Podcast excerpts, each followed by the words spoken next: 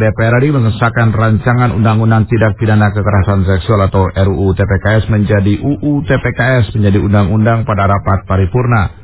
Ada sembilan tindak pidana kekerasan seksual yang diatur dalam undang-undangan tersebut, yaitu pasal 1 di antaranya, ayat 1 pasal 4 disebutkan tindak pidana kekerasan seksual meliputi pelecehan seksual non-fisik, pelecehan seksual fisik, pemaksaan kontrasepsi, pemakaian sterilisasi, pemaksaan perkawinan, penyiksaan seksual, eksploitasi seksual, perbudakan seksual dan kekerasan seksual berbasis elektronik.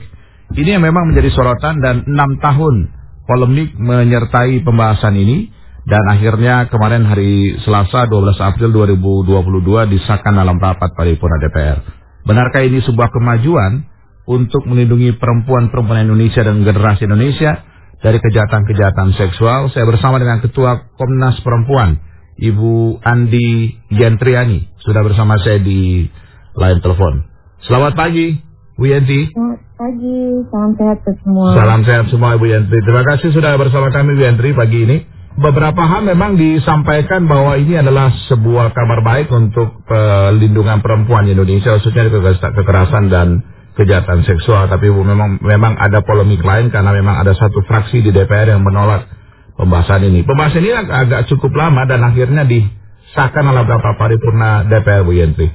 Um, apakah memang ini adalah babak baru bahwa memang perempuan Indonesia akan sangat dijamin haknya dan hukum yang memang akan lebih berpihak kepada korban apabila terjadi kekerasan atau kejahatan seksual terhadap perempuan di Indonesia, Bu Yentri? Baik, yang saya pahami dari fraksi yang menolak sebetulnya karena mereka ingin menunda agar disahkan bersamaan dengan KUHP setelah memang upaya untuk mencampur adukan antara persoalan kekerasan seksual dengan persoalan-persoalan kesusilaan lainnya ya itu tidak disepakati karena memang ini kan dibatasi pada uh, sebuah tindakan kriminal gitu tindakan pidananya yang selama ini justru tidak mendapatkan tempat di dalam KUHP kita. Hmm. Nah, uh, kami tentunya sangat menyayangkan sikap ini karena sedari awal kami sudah menyampaikan sebaiknya kita tidak menyandera persoalan kekerasan seksual ini dengan persoalan-persoalan kesusilaan lain yang penanganannya bisa jadi lebih berat pada uh, pendidikan ya.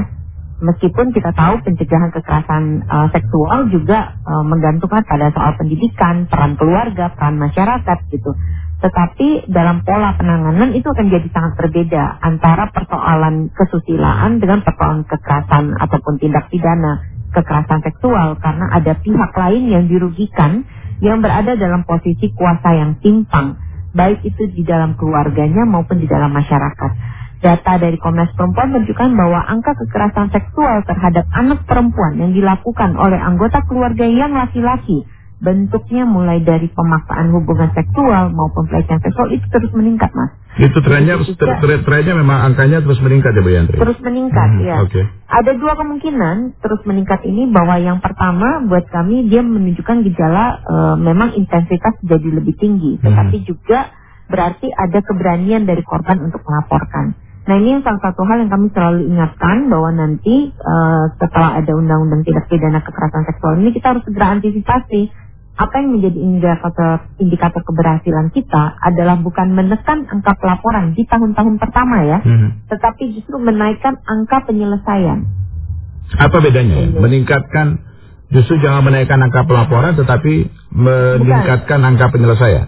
Ya, yang menjadi indikator kita jangan nanti kaget, kok ini setelah ada undang-undang kekerasan uh, seksual malah ada uh, kasus jadi makin banyak gitu. Hmm. Jangan kaget karena payung hukum yang baik itu akan memberikan confident, kepercayaan hmm, okay. yang lebih besar dari korban untuk melaporkan kasusnya. Oh kalau dulu pelecehan seksual tuh misalnya dipegang gitu ya, hmm. ataupun kalau kita lihat kan e, banyak ya dulu kasus kasus-kasus di komuter lain ya. Yeah. Uh, kawan-kawan dari Bogor gitu misalnya ke Jakarta kemudian uh, meskipun sudah betul, ada banyak banget ya waktu itu betul, betul. dan itu kan kemudian nggak tahu mau diletakin di mana karena nggak ada pasalnya di KUHP hmm, hmm, hmm. gitu banyak korban juga yang ragu-ragu ini kekerasan bukan ya, ini tidak pidana bukan ya? Atau jangan-jangan saya yang salah karena berdiri di tempat yang keliru atau uh, apa gitu kan? Jadi si korban itu hmm. selalu akan akan ragu-ragu. Nah, undang-undang ini mengatakan bahwa enggak, kamu tidak salah. Yang salah adalah orang yang melakukan itu. Karenanya keyakinan untuk melaporkan akan lebih besar. Kenapa? Juga karena di dalam undang-undang ini mengatakan bahwa pihak korban dan keluarga serta pelapor itu tidak bisa diancam dengan gugatan balik dari pelapornya. Oke, otomatis kalau orang melakukan kejahatan eh, seksual terhadap orang lain khususnya kepada perempuan, maka Betul. perempuan bisa melaporkan dan nggak bisa dilaporin balik. Artinya bahwa keputusan balik. itu memang akan menjadi mutlak bagi si korban, begitu bu ya? Bahwa dia nanti apakah bisa dibuktikan secara hukum atau tidak itu hmm. lain, lain satu titik. Ya, betul, betul. Sekarang ini ancaman untuk bahkan korban perkosaan itu banyak yang takut untuk melaporkan karena dia harus berhitung kan kalau ini orang kuat kira-kira mereka sanggup nggak bayar pengacara hmm. kalau mereka nanti nggak punya bantuan hukum kira-kira mereka dilaporkan balik jangan-jangan mereka yang masuk penjara sendiri kan hmm. gitu ya hmm. korban dan keluarga akan berhitung tentang itu misalnya nah di dalam undang-undang ini juga pertama dia tidak boleh dilaporkan balik hmm. yang kedua eh, bantuan hukum pendampingan dan sebagainya akan disediakan oleh negara dan ini adalah satu terobosan yang sangat penting mengingat inilah hambatan-hambatan yang ada dari data Komnas Perempuan, isu pendampingan hukum dan pendampingan psikologis ya untuk kekerasan seksual itu menjadi penghalang utama. Akibatnya hanya sekitar 30% dari kasus kekerasan uh, perkosaan yang dilaporkan itu kemudian bisa naik ke proses hukum. Hmm. Oke, okay, tapi artinya gini, um, Kalaupun memang ada laporan ataupun proses hukum yang akan dijalankan terhadap mereka yang melakukan kejahatan seksual, ini tidak akan bisa lagi ditabrakan dengan KUHP. Tidak, karena kan di situ ada sinerginya ya, ada pasal di dalam uh, apa namanya pasal 4 ayat 2 mengatakan bahwa bukan hanya KUHP, tindakan-tindakan pidana seksual lain yang diatur dalam peraturan perundang-undangan lain juga harus merujuk kepada uh, undang-undang tindak pidana kekerasan seksual ini. Artinya, terobosan dalam hukum acara pidana dan juga terobosan terhadap pemuli, pelindungan hak-hak korban serta upaya pencegahan dan pengawasan itu semuanya menjadi satu paket. Memang yang tidak menjadi satu paket adalah soal pemidanaannya. Karena kan di dalam KUHP kita sebetulnya dia tidak punya ya paradigma hmm. tentang pemulihan korban ataupun hak korban. Dia lebih mengatur kamu melakukan ini, kamu dipidana segini gitu. Nah, yang agak ribet adalah uh, kalau di KUHP kita sebetulnya uh, definisi dari perkosaan, persetubuhan dan pencabulan itu dia tumpang tinggi dan hmm. merugikan perempuan. Hmm. Kami sebetulnya berharap bahwa ini bisa disatukan sekalian di Undang-Undang TPKS sehingga nanti pada pembahasan RKUHP yang banyak banget ya hmm. soal korupsi, pencemaran nama baik presiden, makar lain-lain juga masuk. Sifatnya lebih makro kan kalau KUHP. Betul, ya. betul. Jadi maksud kami sebaiknya dia diselesaikan aja di sini di Undang-Undang TPKS ini gitu. Nanti urusan RKUHP, RKUHP lagi gitu. Hmm. Nah, memang uh, pilihannya dari uh, eh, DPR dan pemerintah ya yang meyakini bahwa KUHP akan bisa selesai pada bulan Juni ya juga kami hormati gitu. Hmm. Hanya artinya memang kita semua harus memastikan bahwa bulan Juni itu uh, betul terjadi perbaikan KUHP-nya hmm. dengan perbaikan definisi tentang perkosaan dan pencabulan serta persetubuhan tadi dan juga pemaksaan aborsi karena aborsi itu secara umum dia ilegal, dia adalah tindakan hmm. pidana. Hmm. Tetapi sekarang ini kan uh, dia hanya dikenakan kepada pihak perempuan yeah. yang melakukan aborsinya. Makanya kita lihat bahkan ada yang sampai uh, kemudian memilih untuk uh, menghilangkan nyawanya sendiri ya hmm. setelah melakukan aborsi gitu. Jadi ini kan hal-hal yang harus kita cegah sebetulnya. Oke, okay. tapi gini, kalau uh, yang juga orang banyak tanyakan adalah soal ancaman hukuman terhadap mereka yang melakukan kejahatan. Apakah memang ancaman hukumannya akan sangat berat karena memang ini terpisah dari KUHP tadi atau justru memang masih akan ada beberapa hal yang memang harus disoroti dan mungkin harus diselesaikan dalam KUHP agar selaras dan sinergis Bu Yendri? Terobosan yang penting dari Undang-Undang TPKS ini adalah memperkenalkan double track dari uh, kita kayak rel kereta api ya, the double hmm. gitu, ada hmm. kanan kirinya gitu, yeah. double track penghukuman. Jadi kita tidak lagi bicara tentang uh, pidana yang biasanya kita kenal di KUHP ya, hmm. seperti uh, penjara ataupun denda gitu, tetapi juga uh, ada proses-proses lain seperti rehabilitasi yang harus hmm. dilalui. Apalagi kalau kita lihat angka kekerasannya kan paling banyak juga ya kenaikannya tuh di anggota keluarga sendiri. Hmm. Bayangkan seorang anak yang diperkosa oleh bapaknya pada satu titik setelah melewati fase penjara dan lainnya akan kembali kan mereka. Okay. Akan kumpul lagi gitu atau anggota keluarganya yang lain gitu. Karenanya harus ada pembinaan yang betul-betul serius sehingga tidak eh, apa namanya keber, jaminan tidak berulangan ini betul-betul bisa kita pastikan. Mm -hmm. Yang kedua adalah juga misalnya eh, kita tahu banyak kasus kekerasan seksual terhadap anak, tetapi kita tidak memiliki pola untuk misalnya melarang. Jadi pidana yang double track ini tidak bisa melarang seseorang bekerja pada satu sektor yang mm -hmm. memungkinkan dia menimbulkan kerentanan baru pada target-target korbannya. Jadi misalnya ini kayak di luar negeri ya. Jadi yeah. kita butuh database nih yang melakukan tindak kekerasan hmm. seksual pada anak. Tentunya tidak boleh bekerja dalam sektor yang dekat dengan anak seperti hmm. pendidikan dan lain-lain. Karena kalau nggak dia akan berulang ya. Yeah. Potensi berulangnya besar gitu misalnya. Dan juga dia uh, memuat misalnya restitusi ini sangat penting karena jarang sekali meskipun dia sudah pernah disebutkan di beberapa uh, perundang-undangan, tapi yang ini baik sekali karena restitusi mengatakan bahwa ini wajib diberikan kepada korban, mm-hmm. termasuk bahkan dengan menyita uh, aset-aset dari pelaku, melakukan lelangnya, jika kurang nanti akan ditambah dengan biaya negara. Mm-hmm. mm-hmm. Nah ini akan memungkinkan uh, proses yang lebih baik karena berdasarkan data di LPSK ya, jumlah restitusi yang dibayarkan itu sangat sedikit. Oke. Okay. Tapi gini, hmm. apakah tapi kan sebenarnya pem pemidanaan seseorang itu juga uh, akan sekaligus dilakukan pembinaan. Kalau misalnya orang melihat bahwa kan orang yang dipidana itu namanya bukan bukan apa bukan kalau masuk penjara bukan apa namanya bukan penjahat betul. namanya warga binaan kan gitu. Betul, betul.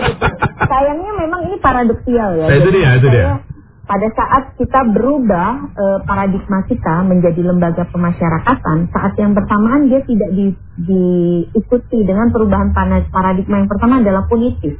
Oh, okay. Kita ini kan sebenarnya masyarakat sangat punitif ya. Uh -huh. Jadi misalnya kita bahkan warga binaan kalau keluar tuh kita stigma terus kan. Iya betul. Gitu misalnya dan sebagainya.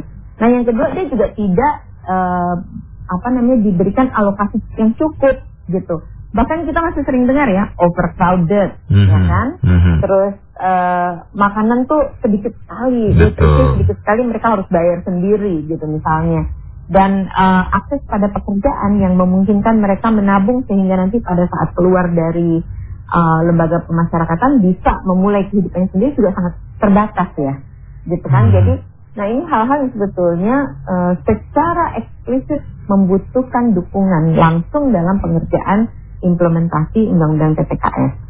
Jadi hmm. soal pembinaan ini persis seperti yang disampaikan. Dia seharusnya sudah berjalan, tapi dia tidak ada. Akibatnya kan orang sering kali bilang gitu ya mas, hmm. hmm. masuk ke nyuri ayam gitu ya kasarnya, keluarnya bisa jadi penjahat kawasan. Betul, gitu, betul. Yang beda gitu. Karena, kan, karena, gitu. karena penjara tuh udah jadi sekolah sebenarnya kan gitu ya. Nah itu katanya. sekolah kejahatan baru maksud saya kan. Uh, nah, karena itulah kita butuh memastikan bahwa proses-proses ini diperbaiki di kemudian hari. Tidak kita biarkan dia berlarut-larut. Nah apabila mereka di, di apa nah ditutup dengan menggunakan undang-undang di TPKS ini apakah memang harus dilakukan pemisahan apa namanya pemisahan hukuman sehingga memang beberapa hal yang punya potensi untuk mengembalikan mereka tetap pada kondisi yang semula itu bisa dijauhkan Bu Yentri. Nah, sistem uh, kategorisasi lembaga pemasyarakatan sebetulnya sudah menjadi diskusi selama 20 tahun terakhir nih. Hmm, hmm. Sekarang ini prolegnas uh, di program legislasi nasional uh, perubahan rancangan undang-undang pemasyarakatan juga menjadi salah satu dasar. Iya kan karena kan gini, karena kan gini ya bahwa Betul. orang Indonesia tuh udah semakin aware soal apa namanya sexual harassment, violence terhadap perempuan anak itu sehingga di polisi ada PPA sendiri kan gitu ya. Kemudian ada betul, beberapa komnas perempuan, LSM dan lain-lain. Akhirnya awarenessnya gede, tapi kalau nggak diikuti dengan tempat hukuman yang berbeda juga, apakah tidak dikhawatirkan hasilnya akan sama aja kan gitu ya Bianti? Betul, jadi ini salah satu hal yang memang persis nih mas, jadi PR kita masih banyak ya, memperbaikinya juga masih banyak gitu.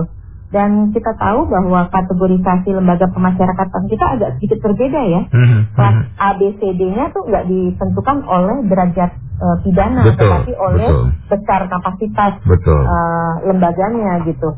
Nah ini yang harus diubah gitu semoga lewat uh, perbaikan undang-undang pemasyarakatan ini juga menjadi salah satu uh, ruang ya untuk hmm. kita menguatkan implementasi dari undang-undang TPKS. Betul betul. Dan di TPKS punya potensi nggak untuk bisa mengatur itu bu ya? Bisa dijadikan beberapa pasal bisa dijadikan dasar untuk membuat klasifikasi tempat binaan yang sangat terpisah. Karena baru sejauh ini di Indonesia baru baru terorisme saja dan Betul. dan koris dan korupsi yang akhirnya dibikin seakan khusus si suka miskin padahal bukan juga sebenarnya tapi seakan khusus suka miskin itu korupsi tapi baru terorisme saja yang memang khusus kan gitu ya penjaranya yang lain itu masih nyampur aja sebenarnya kan gitu Nah, penggunaan uh, beberapa terobosan di hukum uh, pidana terkait dengan terorisme gitu dan upaya untuk kita kan kenal ya deradikalisasi betul, betul. sebagai program dan lain-lain. Ini bagian yang dipercakapkan betul mas. Jadi uh -huh kita e, sebetulnya betul-betul perlu melihat proses turunannya. Jadi pasal-pasalnya sendiri membuka peluang itu. Gitu, hmm. untuk dilakukan. Di, di TPKS tidak? Bukan, di TPKS ada nggak dibuka peluang itu? Kalau korupsi kan misalnya Uh, ya. ya, ya itulah. Kemudian terorisme mungkin juga ada kan gitu. Hmm. Mungkin bukan tempatnya yang secara terpisah, hmm. tetapi programnya yang betul-betul menyasar kepada pelaku tindak kekerasan seksual itu disampaikan. Hmm, Oke, okay. jadi tapi nggak ada memang nggak ada nggak ada celah ya bahwa itu akan jadi um, celah sih selalu ada ya mas. Ya? Mis, misalnya di, di advokasi saja misalnya udahlah misalnya lapas misalnya uh, pondok bambu misalnya atau lapas apa yang memang akan jadi lapas yang khusus mereka melakukan kejahatan seksual terhadap perempuan anak gitu misalnya. Memang ini agak sulit karena di beberapa daerah saja lapas perempuan itu masih nggak terpisah dari lapas laki-laki itu masih kita bicarakan oh, dalam okay, proses okay. prosedur yang sama ya. Jadi kita ngomong tentang kapasitas negara penyediaan mm -hmm. infrastrukturnya. Tentu kita harus kejar, tapi juga dengan uh, persoalan pandemi saat ini, mm -hmm. alokasi dana yang tersedia dan lain-lain, mungkin dia akan uh, kita harus cicil lah ya satu yeah. persatu. Nah, uh, salah satu yang paling memungkinkan, uh, saya nggak tahu juga nanti ini uh, ide yang cukup baik untuk dibahas lebih hmm. lanjut ya. Hmm. Misalnya ada sel khusus kah gitu, blok Betul. khusus gitu ya, misalnya kan. Hmm. Dia nggak bukan gedung sendiri tapi mungkin blok itu atau yang lainnya. Kan, Tetapi yang paling hmm. utama adalah juga programnya. Betul. Karena, karena kan gini Bu, karena kan sebenarnya eh, lapas-lapas uh, tadi, lapas terorisme, lapas korupsi itu sebenarnya tidak ada dalam undang-undang juga sebenarnya. Tetapi betul, betul. karena mereka punya undang-undang berdiri sendiri dalam hal berada di luar KUHP, menjadi begitu penerjemahannya. Harapan beberapa pihak sih itu bisa dilakukan kan TPKS itu juga menjadi berdiri sendiri kan gitu ya. KWP-nya belum berakselerasi dengan menarik. itu kan gitu. Iya. Ide yang sangat menarik memang waktu itu kan fokusnya pada programnya ya. Kalau hmm. Komnas Perempuan kita tidak membahas per se karena juga melihat bahwa tadi itu bahkan lembaga uh, mulai dari rumah tahanan deh rumah tahanan kita kan udah overcrowded betul isunya ya isunya pasti begitu lah ya Iya ya, biasanya di daerah tuh bahkan dititip-titip itu. Hmm. Siapa titip siapa gitu kan. Tahanan jaksa juga ada di rumah tahanan polisi. Berapa tahun ketinggalan ininya, hmm. apa namanya, informasi uh, putusan sidangnya dan lain-lain gitu. Jadi memang masih banyak sekali hal yang harus kita bereskan, Mas. Hmm. Tetapi sekali lagi uh, eh, PPKS ini memang membuka ruang-ruang terobosan baru ya yeah. bagi korban yang sangat kita butuhkan gitu sehingga uh, korban akan mendapatkan akses lah yang lebih besar gitu untuk keadilan dan pemulihannya. Kan undang-undang akan diturunkan jadi peraturan pemerintah. Uh, uh, apa yang nggak boleh mission atau apa yang harus diperjelas dari penerjemahan dari undang-undang TPKS di peraturan pemerintah sebagai dasar pelaksanaan dari kegiatan perundang-undangan? Hmm. Yang pertama tentunya memastikan proses penyelenggaraan pemulihan bagi korban ya ini kan ada beberapa segmen yang memang harus lebih jelas. Misalnya tentang uh, pelindungan gitu ya, hmm. prosesnya seperti apa, siapa berkoordinasi dengan bagaimana. Secara umum disebutkan, tetapi kan kalau mekanisme koordinasi dan silang rujuk nih butuh lebih dirincikan ya. Hmm. Dan itu akan memungkinkan proses kerja yang lebih uh, sinergis. Nah, uh, begitu juga soal restitusi, trust fund ya, dana bantuan pemerintah untuk korban ini kan butuh dipastikan keberadaannya. Hmm. Okay, Misalnya jadi, ya sebagai hmm. contohnya. Nah untuk penyelenggaraan hukum acara kami mendorong agar kepolisian bisa menerbitkan pedoman untuk penyelidikan kasus kekerasan seksual dan juga perempuan berhadapan dengan hukum hmm. karena akan lebih memudahkan dalam proses apa namanya pelaksanaannya serta di penguatan TPA kan sekarang ini unit kecil ya. Iya betul. Kadang ada polwan yang nggak ada polwannya kayak mm -hmm, gitu. Mm -hmm. Nah, jadi dengan menjadikan dia direktorat seperti juga yang sudah disampaikan oleh Pak Kapolri di tahun lalu, kita berharap kapasitas dari unit ini menjadi lebih besar dalam menangani kasus. Oke, mudah-mudahan ini bisa segera diterjemahkan oleh pemerintah karena sekali lagi memang masih ada tahapan selanjutnya peraturan pemerintah untuk bisa menerjemahkan undang-undang ini. Jadi beberapa instrumennya juga harus di bikin karena supaya tidak kaget seperti kita punya uh, undang-undang tentang ITE bu tiba-tiba banyak sekali orang lapor gagal sendiri kan gitu ya tiba-tiba akhirnya pasalnya orang memandang ada karet A, karet B, karet C dan sebagainya. Uh, anda punya komentar soal itu bahwa nanti kan pengaduan akan banyak nih. Karena orang kan semakin confidence dan trust sekali bahwa oh, gua dilindungi nanti nih karena ada instrumennya kan gitu, Bu. Betul, betul sekali. Nah, memang untuk upaya uh, kita juga tidak ingin over penalty ya -hmm. dan membuat persoalan overcrowding lebih besar lagi karena itu mekanisme-mekanisme pencegahan yang juga sudah disampaikan di dalam Undang-Undang PPKS yang menjadi kewajiban dari pemerintah dan pemerintah daerah harus kita push nih. Mm-hmm. Jadi satu hal adalah mengantisipasi laporan, tapi yeah. hal yang berbeda adalah memastikan pencegahan program-program ini juga kita jalankan dan kita terlibat di dalamnya. Oke, okay. baik kita akan. Terima kasih sekali juga karena media selalu menjadi rekan seperti hari ya, yeah. menjadi rekan dalam mengawal seluruh proses ini Harus, mulai dari kesehatan sampai nanti implementasinya. Betul. Karena kalau kita bicara soal laki-laki itu kita akan bicara soal generasi hari ini.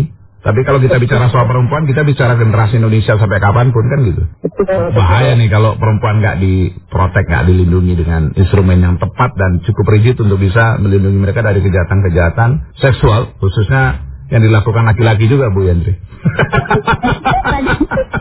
Betul, dan juga pada anak-anak ya, meskipun anak-anak juga anak perempuan banyak, tapi lebih banyak, tapi anak laki-laki yang menjadi korban kekerasan seksual itu juga banyak sekali. Betul dan sekali. kapasitas rekan-rekan laki-laki gitu ya dalam uh, menjadi ya satu hmm. satu keluarga yang memang bisa uh, apa ya berartikulasi dengan penuh ya. lah. Baik. Ya. Baik, Bu Yandri terima kasih banyak sudah bersama kami di kesempatan pagi ini Bu Yandri.